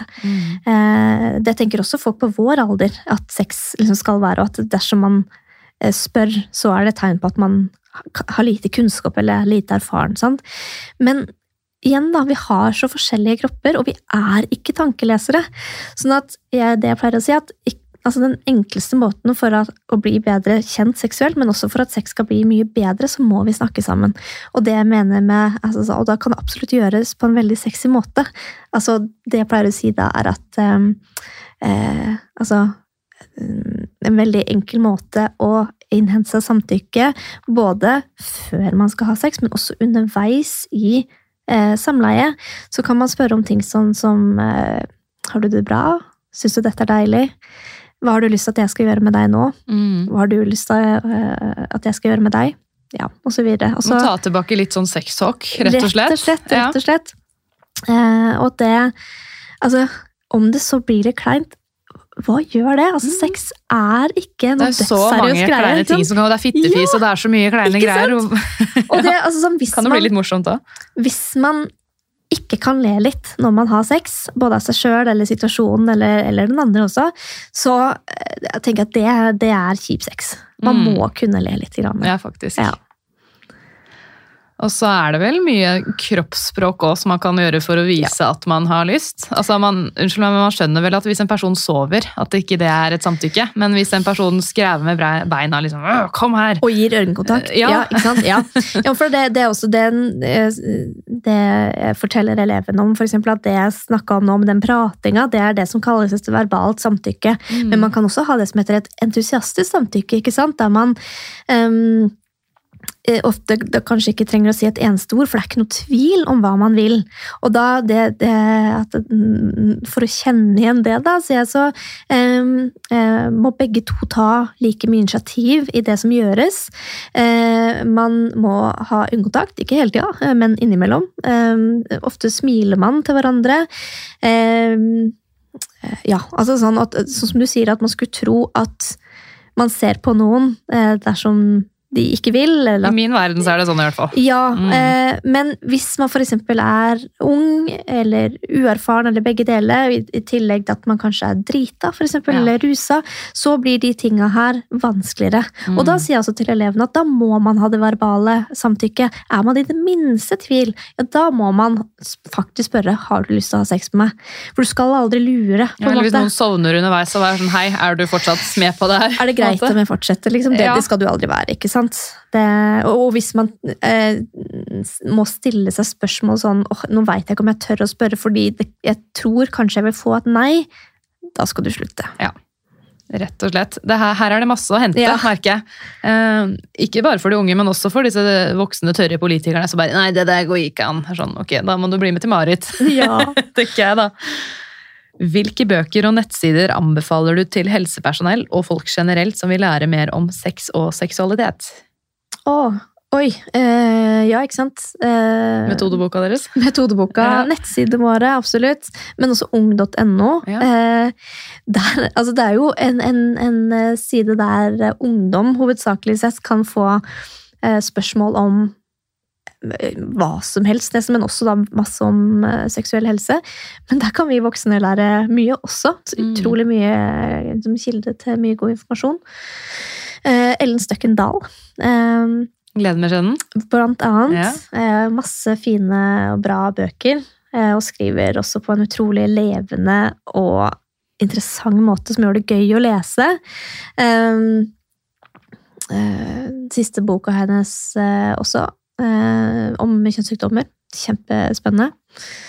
Anbefales. Mm. Vanskelig å komme på ting på kommando. Ja, Nå ble det mye sånn der gleden med skjeden og sånn, men det er også en bok som heter Penis, som er skrevet av en urolog som heter Sturla Pilskog. Ja, Den er ikke lest sjøl. Jeg har den hjemme. Ja. Skulle låne den? Veldig gjerne. Ja, for der står det alt du trenger å vite om penis, egentlig. Myter og fakta og Ja, det er nydelig. mye greier. Så er det vel også en bok som heter Manus for anus, men Ja, det høres er mer det. ut som en tullebok, men det kan hende den også er bra. Uh, ja, det Det uh, eh, Jeg håper å si Begge de har jobba på altså Forfatterne Altså, jobbet Kaveh på- Rashidi og Jonas Bergland. Ja, Ja. har jobba på Sexsamfunn sammen med Ellen Støkkendal, som har skrevet eh, 'Gleden med skjeden'. Fun fact. Eh, men eh, men eh, eh, det, det er vel en eh, blanding av en tullebok og litt sånn Det er også noen fakta som stemmer Mm. der inne. ja. Jobber dere aktivt for å nå innvandrerkvinner og andre minoriteter som erfaringsmessig sjeldent oppsøker helsevesenet når det gjelder seksuell helse? Er det noen som spør? Ja, og det er et fint spørsmål. Mm. Eh, vi har hatt egne prosjekter på Sex og samfunn eh, eh, som går på å eh, komme spesielt i kontakt med, med, med det, gruppen mennesker der. Um, Korona ble dessverre en utfordring.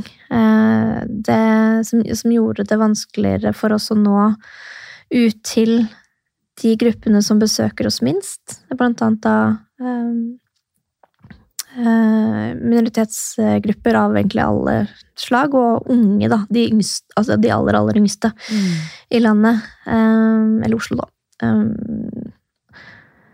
Eh, så det per, altså Akkurat her og nå så gjør vi ikke noe eh, eget, men vi har stadig vekk eh, egne prosjekter som går nettopp på det, da. Mm. Har dere informasjon på forskjellige språk på nettsidene deres? Ja, prevensjonsguiden vår, eh, den har vi altså, på flere forskjellige språk. På polsk og på urdu og engelsk. eh, Og flere andre språk som jeg ikke kom på i farta. Somali? Ja. Det er kjempebra, da. Mm. At dere har, har det på forskjellige språk. Jeg håper det blir mer av det i helsevesenet ja generelt. Ja, Absolutt. Nå kommer det endelig et litt sånn kort ja- og nei-spørsmål. Synes du man lærer nok om seksuell helse på grunnsanningen? altså for sykepleier? Nei, No. på ingen måte. Fem. Spørsmål nummer fem. Skal vi se. Hender det at dere får såkalte svingdørspasienter i anførselstegn, igjen og igjen, som skal teste seg slash behandle seg for SOI eller uønsket graviditet?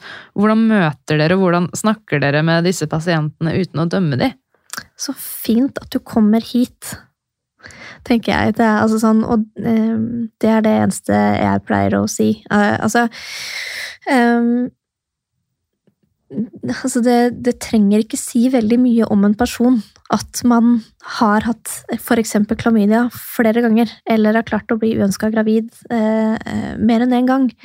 Det, det trenger ikke si noe om deg som person, og derfor så er det også mm, altså, viktig for oss at vi, eh, vi er der for å hjelpe, ikke for å dømme, eh, eller at man skal kjenne på noe skam rundt det man har gjort.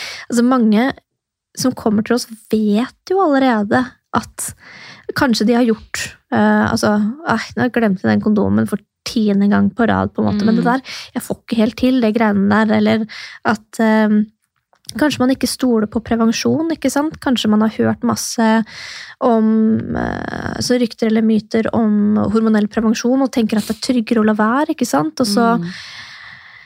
Eh, har man da kanskje hatt sex uten, eh, uten noe beskyttelse. Og så har man da eh, blitt for eksempel gravid. Da er det veldig lite hensiktsmessig at vi skal komme og si sånn Har du hørt om p-piller? Ikke sant? At det, da, da er det mye viktigere for oss at de skal få den informasjonen de trenger. Både for at de skal ha, ha det så godt som mulig i den situasjonen de er der og da, men selvfølgelig også informere om liksom Spørre om ha- har du hørt om prevensjon. Har du, er det noe mer du ønsker å vite om eller få informasjon om, og så ta det derfra, da. Ja, At man kan komme med litt forslag. For hvis noen kommer på en måte for Nå, nå vet jeg ikke om det her er vanlig, da. At man kommer for eh, abort nummer ti, da. Og så er man 15 eller 16 år. altså Det er jo ikke bra. Nei, altså, Det må det være lov å kan si. Ja, ja, ja, men der har vi også vi, vi har jo også avvergingsplikt, f.eks. dersom man er under 16. Ehm, så har vi jo plikt til å avverge skade på liv og helse, ikke sant.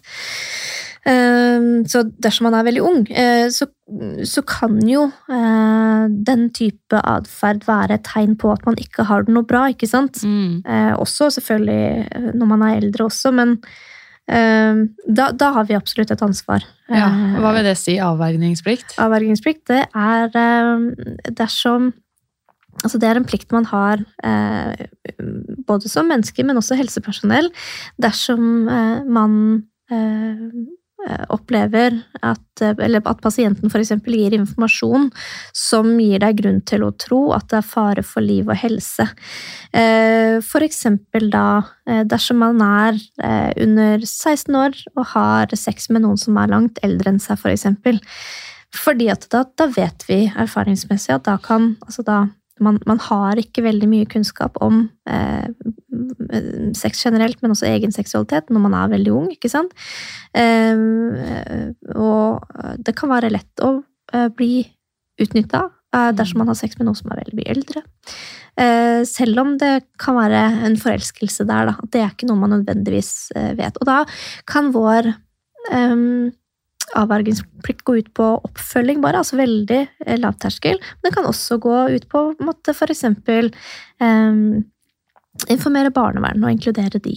Ja, Så det kan gå til at dere må involvere andre instanser hvis det er litt sånn spesielle caser og personen er veldig ung? På chatten vår så er det eneste, altså, så er det eneste måte vi, vi har å eh, avverge på, er ved å melde til politi. Fordi at Ja. der, har, der er jo chatten anonym. Eh, og vi, eh, den eneste måten vi kan finne ut av hvem de er, er ved å hente ut IP-adressen og levere den videre til eh, Kripos. Ja. Så vi har ikke noen mulighet til å finne ut hvem folk er, men der det er eh, et behov, så, så må vi gi fra oss eh, IP-adresse. Mm. Har det skjedd før? Eh, ukentlig. Ja, ok, det er Ja. såpass, ja. Mm. ja. Vet du hva, Det er mange flere spørsmål her, og jeg skulle gjerne ønske vi hadde mer tid, Mm. men det har vi ikke. Nei, sånn er det.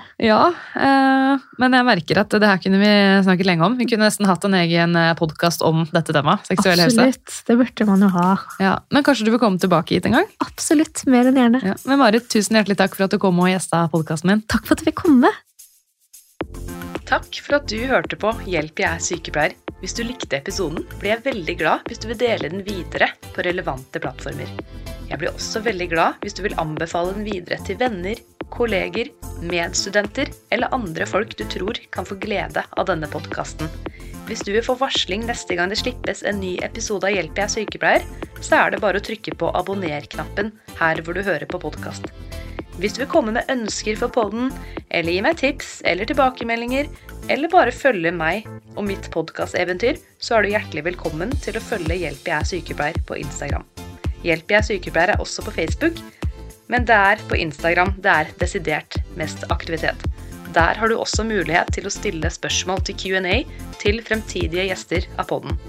Du kan også sende meg en mail, og mailadressen til Hjelp jeg er sykepleier står beskrevet i hver episodebeskrivelse.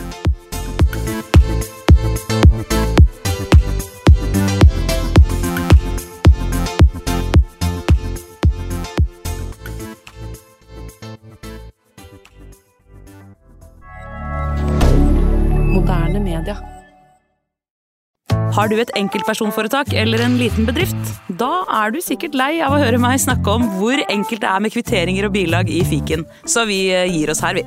Fordi vi liker enkelt. Fiken superenkelt regnskap.